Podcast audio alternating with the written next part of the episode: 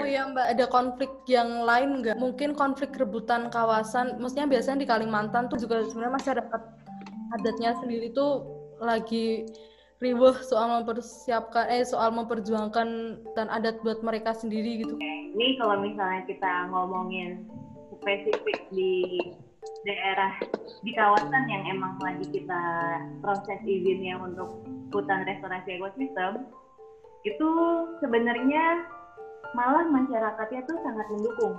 Jadi kita, jadi kok udah udah tiga kali ke sana, udah tiga kali survei ke sana, kita udah udah melakukan apa ya, macam perkenalan, terus juga minta izin, terus juga kayak uh, kayak diskusi, mereka opininya seperti apa, terus seperti uh, mereka ada uh, apa namanya mendukung atau tidak seperti itu dan emang awalnya ini uh, apa namanya awalnya mereka emang bingung sih kayak loh nanti kalau ada orang hutan terus habis itu masuk ke kebun gimana? Nanti kalau misalnya ada orang hutan kita masih bisa ambil kayu apa enggak? Soalnya kan kita rumahnya ini dari kayu gitu. Terus habis itu kita masih bisa ini enggak berburu atau enggak?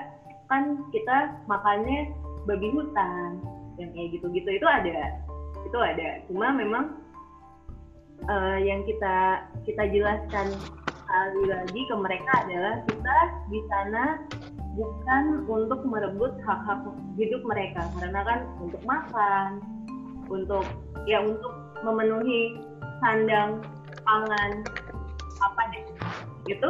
Itu tuh itu kan sebenarnya hak mereka kan hak hidup mereka. Kita bukan untuk merebut hak mereka itu tapi kita untuk membantu mereka uh, melestarikan menjaga hutan mereka.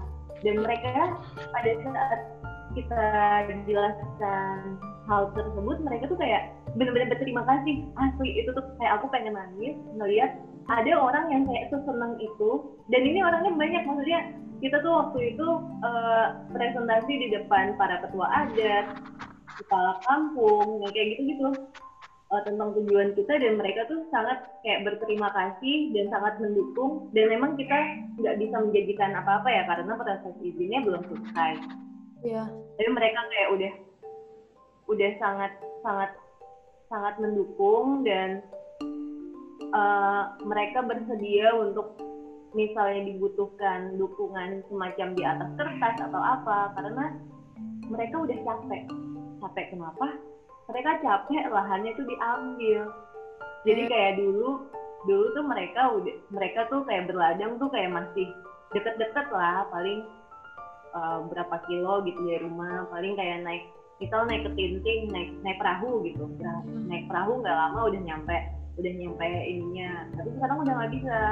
Karena itu sih jadi aku cerita pas aku pertama sampai ke sana lahan mereka itu udah habis.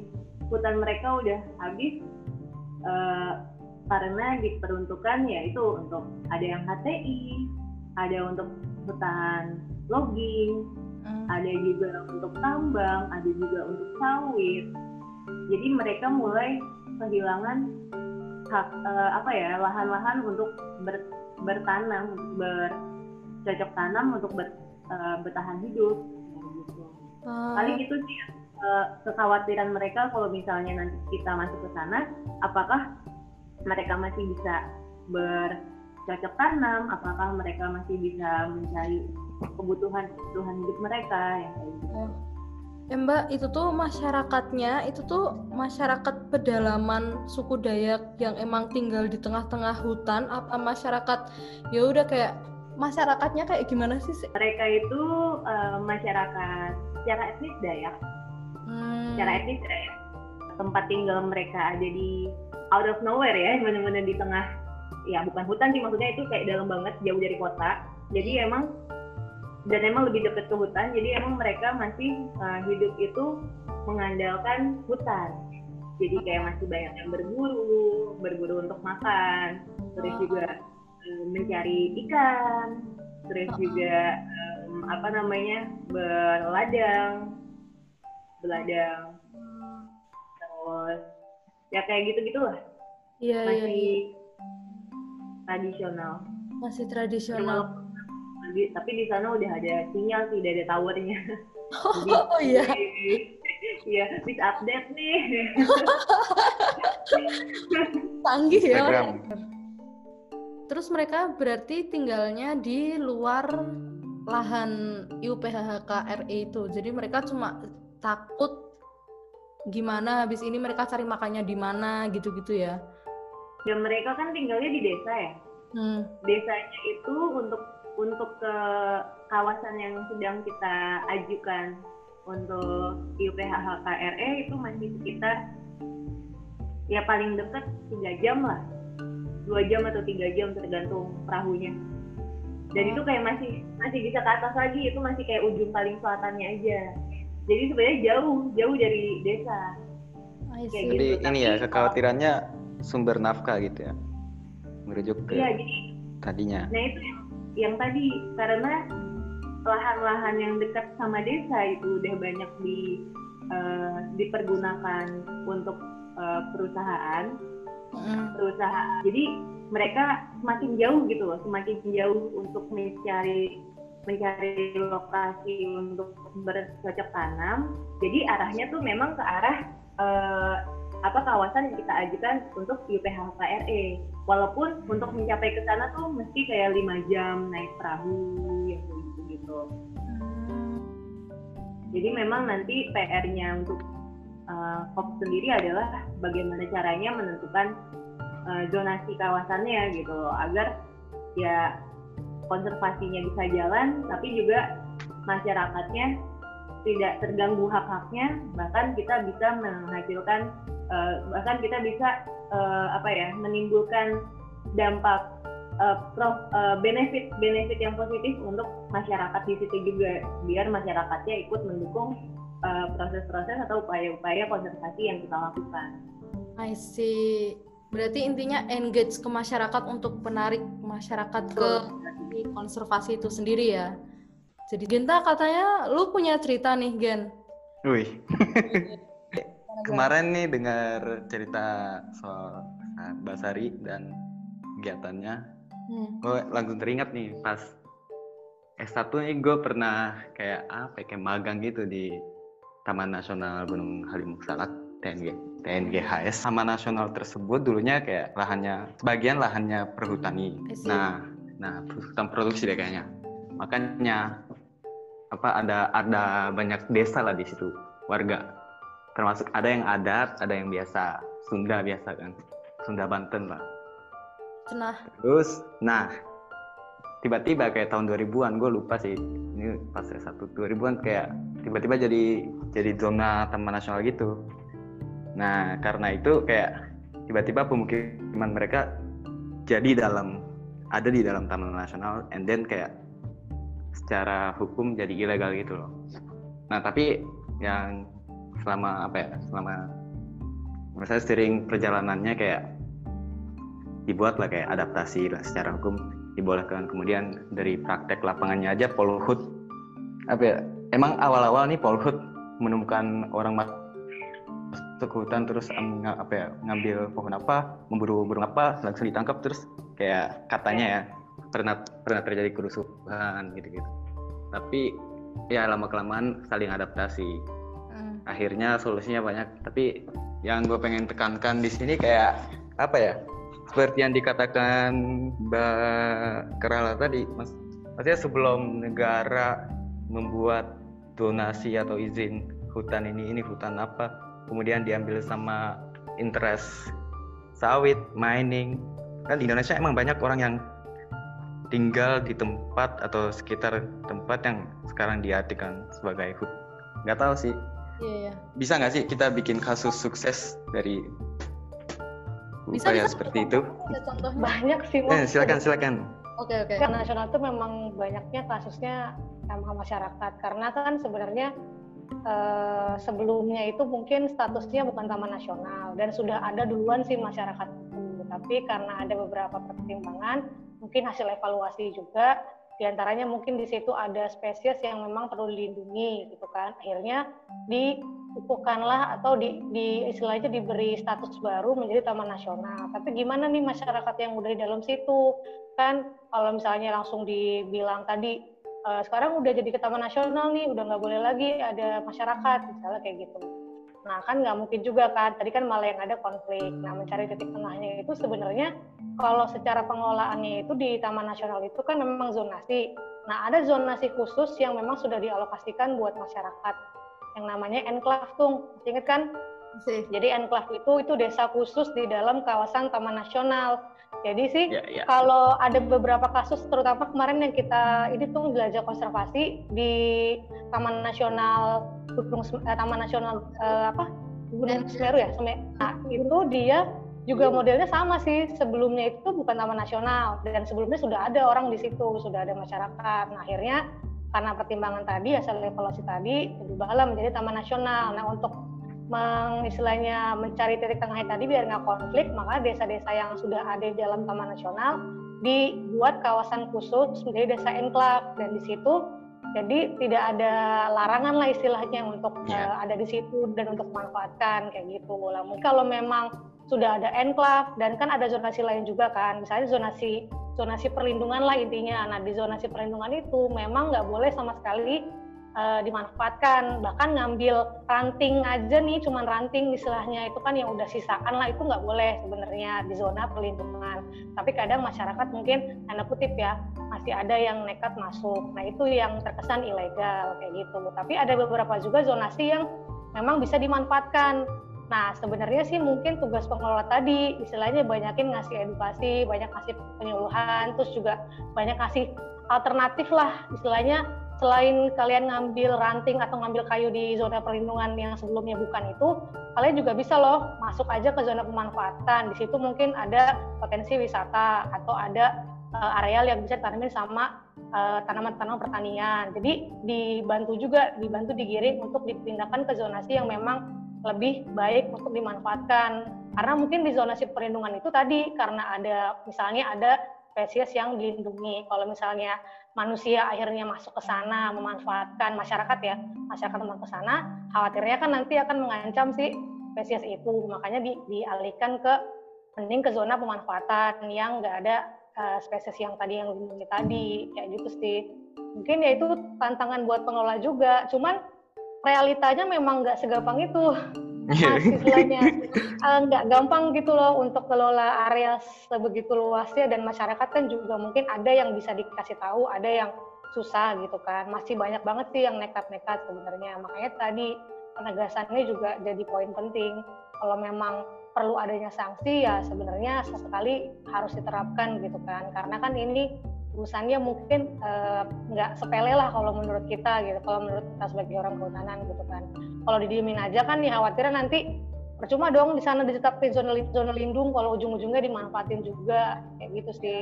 Nah terus by the way aku ingin mengerucut ke punyanya Mbak Sari nih yang di Kutai Timur ini. Di situ tuh COP ada strategi khususkah dalam mengengage masyarakat?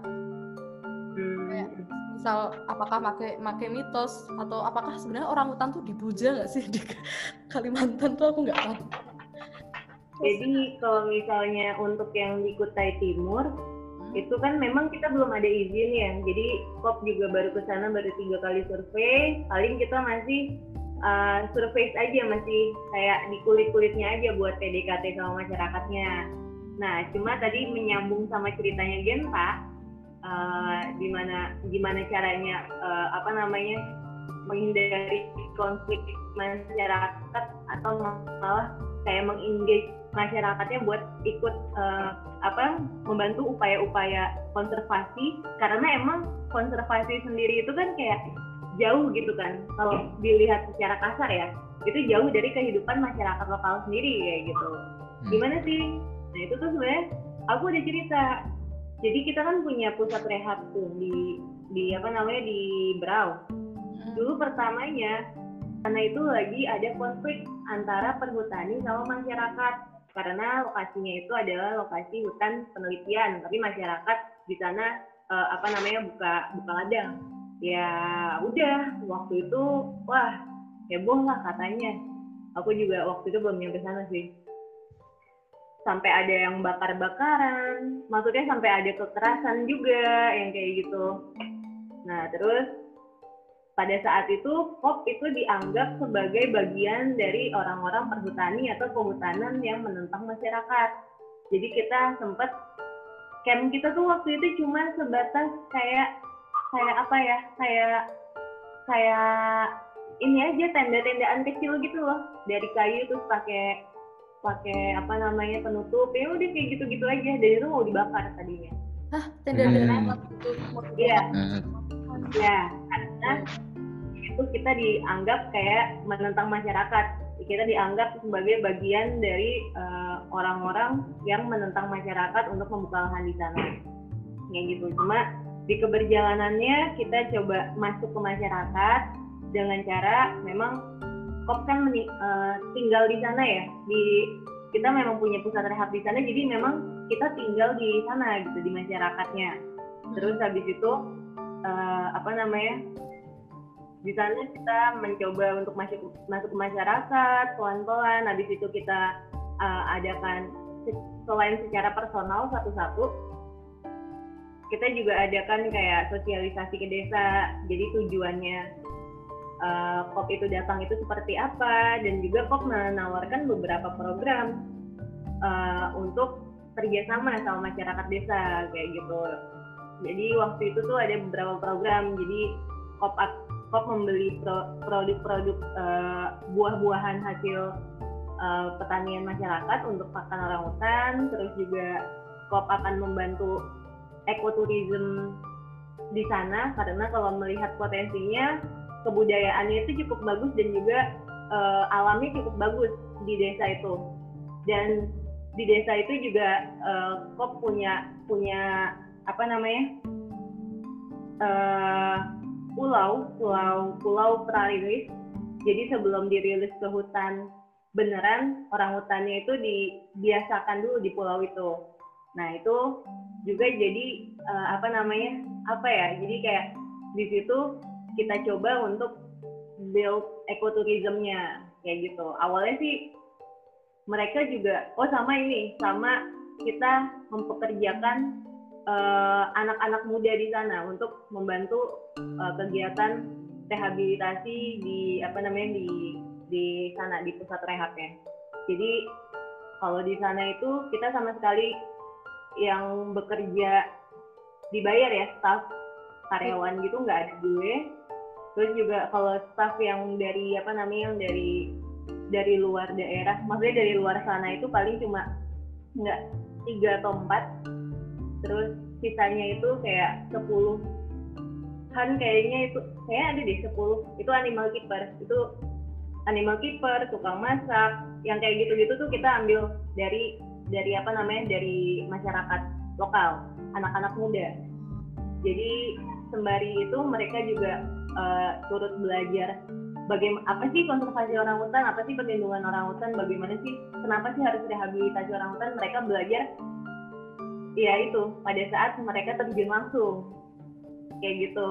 Terus juga di perjalanannya mereka kita sekolahkan juga sekolahkan jadi kayak kok punya punya sekolah konservasi tahunan gitu biasanya tiap tahun eh, karyawan yang di Kop itu yang di Kop eh, Berau itu pusat rehab itu dikirim untuk ikut belajar di Kop School di sekolah konservasi tahunannya Kop.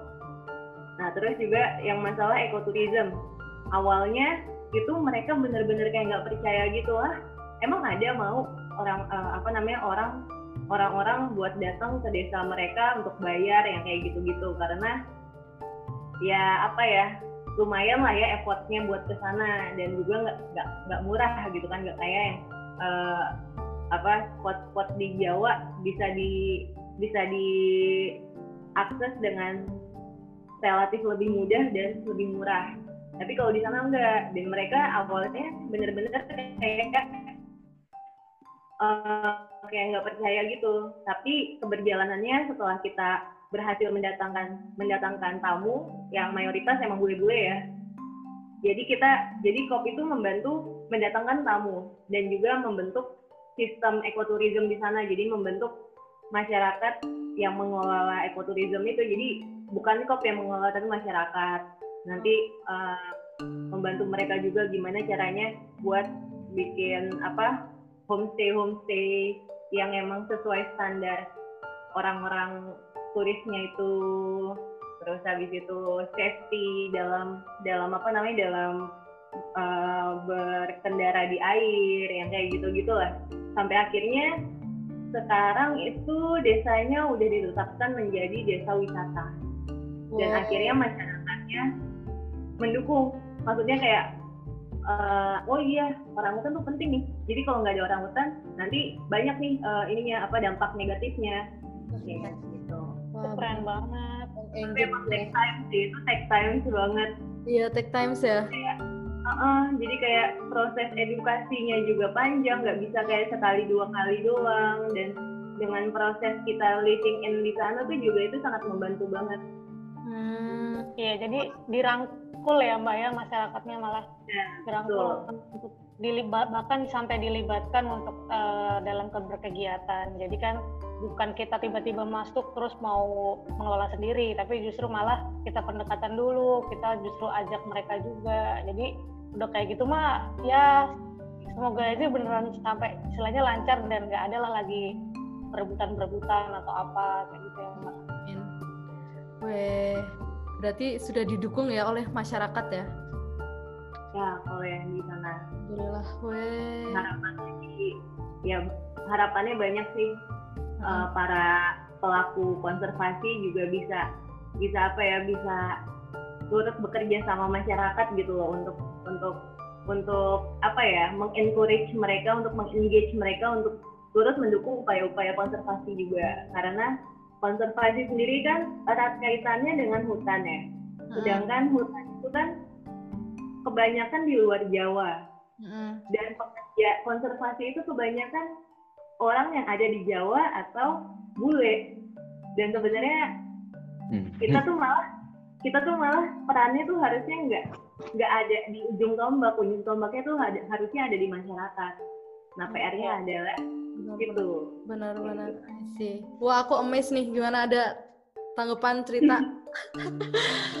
COP berjuang banyak banget ya sebenarnya kayak dari awal yang mereka diusir sampai sekarang pasti nggak nggak gampang lah itu lumayan oh ya ini ekoturismnya ekoturism maksudnya kayak menjual ini boleh-boleh bisa lihat kalau misalnya beruntung bisa lihat orang hutan lo atau kayak ekoturism to Indonesian village aja kayak gimana nih? Jadi biasanya itu emang kan kalau di lokasi desa yang aku maksud tadi uh, apa namanya daya tariknya adalah orang hutan dan kebudayaan Dayak. Tapi hmm. sebenarnya kalau kebudayaan kebudayaan Dayak sih ya desa-desa di sana mayoritas kalau yang udah di kawasan udah deket-deket hutan tuh emang Dayak semua gitu. Hmm. Dan biasanya emang orang-orang yang ke sana itu banyak pengen tahu tentang orang hutan dan juga kebudayaannya itu sendiri, kebudayaan masyarakat lokal Dayaknya itu sendiri. Dan kita juga ekoturismnya sebenarnya kan uh, orang hutannya apa namanya? Kita kan orang hutannya itu kan bukan bukan untuk di apa turismkan kan harusnya. Iya iya. ya.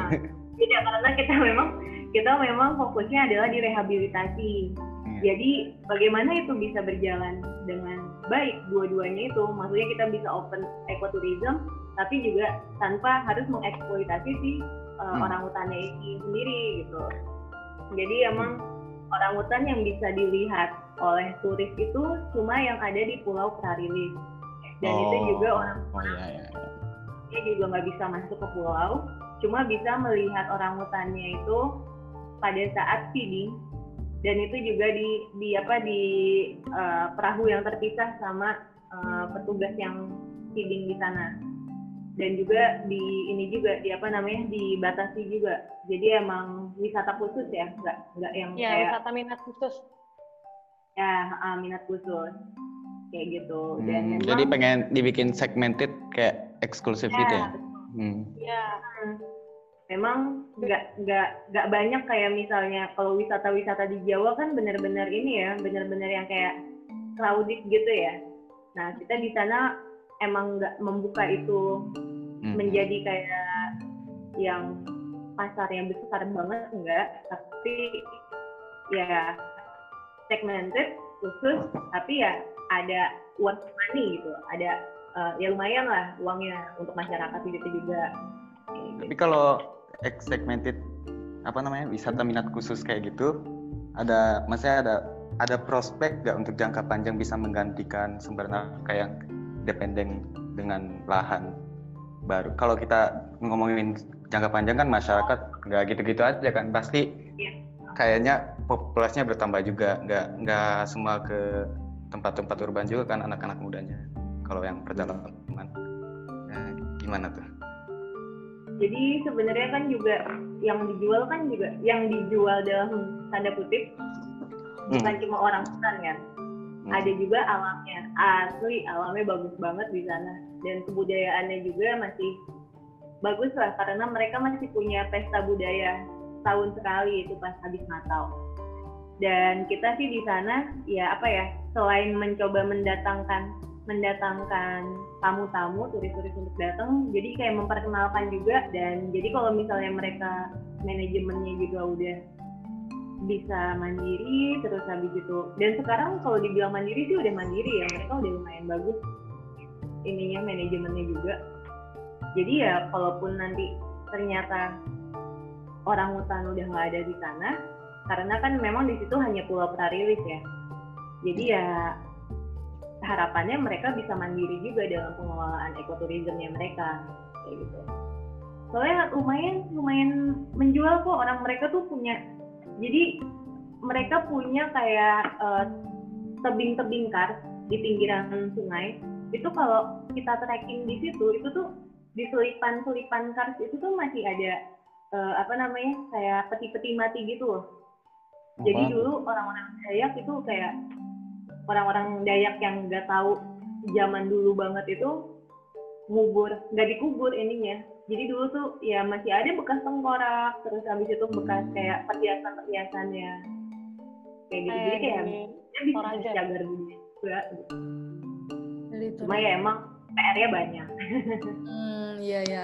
Iya, ekoturism tadi kalau ditanya apakah berlangsung bisa menjamin keberlangsungan lama, eh, itu udah pasti ya. Justru tadi karena strategi konservasi tadi kan memang harus yang bertahan jangka panjang. Kenapa bisa ada ekoturism itu? Karena eh, sebenarnya untuk wisata-wisata yang umumnya bukan wisata ekoturism itu cenderung terutama di kawasan-kawasan eh, wisata alam gitu ya itu cenderung kan terkadang malah merusak gitu nah makanya timbullah si konsep ekoturism itu gitu jadi benar-benar dijaga supaya jangan sampai kawasannya rusak dan kalau kawasannya benar-benar terjaga otomatis akan terus berjalan dalam jangka waktu yang lama gitu kan makanya pilihan yang tepat sih sebenarnya untuk memilih konsep ekoturism di beberapa lokasi yang memang jangan sampai rusak lah istilahnya. I see. Jadi pasti menjamin banget sih selama diterapkan dengan cara yang benar itu malah pilihan yang tepat daripada wisata umum. Kalau wisata umum kan ya yang penting kadang lebih mengutamakan jumlah pengunjung kan. Tapi kalau wisata ekoturism sebenarnya poinnya sih lebih ke edukasi sih. Lebih ke edukasi sama lebih ke konservasi itu sendiri gitu. Mungkin dia nggak mengejar material secara umum kayak misalnya wisata-wisata pada umumnya. Tapi dia lebih mengutamakan edukasi dan sisi konservasi itu gitu. Makanya ya harganya pasti lebih mahal.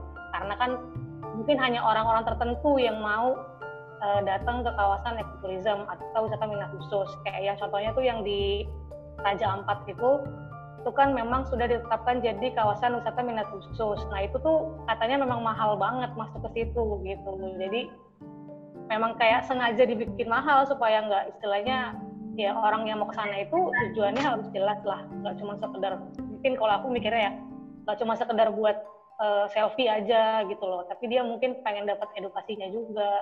Kayak misalnya pengen lihat orang hutannya, karena orang hutan nggak ada kan di Jawa, mau nggak mau harus di Kalimantan gitu atau di Sumatera makanya terlihat mahal dan terlihat spesial di situ. Berarti dari ekoturism tuh bisa menghasilkan jadi alternatif uh, cari nafkah yang baru buat si masyarakat yang hutannya buat orang hutan itu ya. Iya benar-benar. Weh, oke, okay. makasih sangat insightful ya hari ini ya. Semoga teman-teman yang di luar sana menambah pengalaman, menambah pengetahuan, menambah cerita dan pemahaman. Makasih teman-teman, cukup sampai di sini. Oi, bye.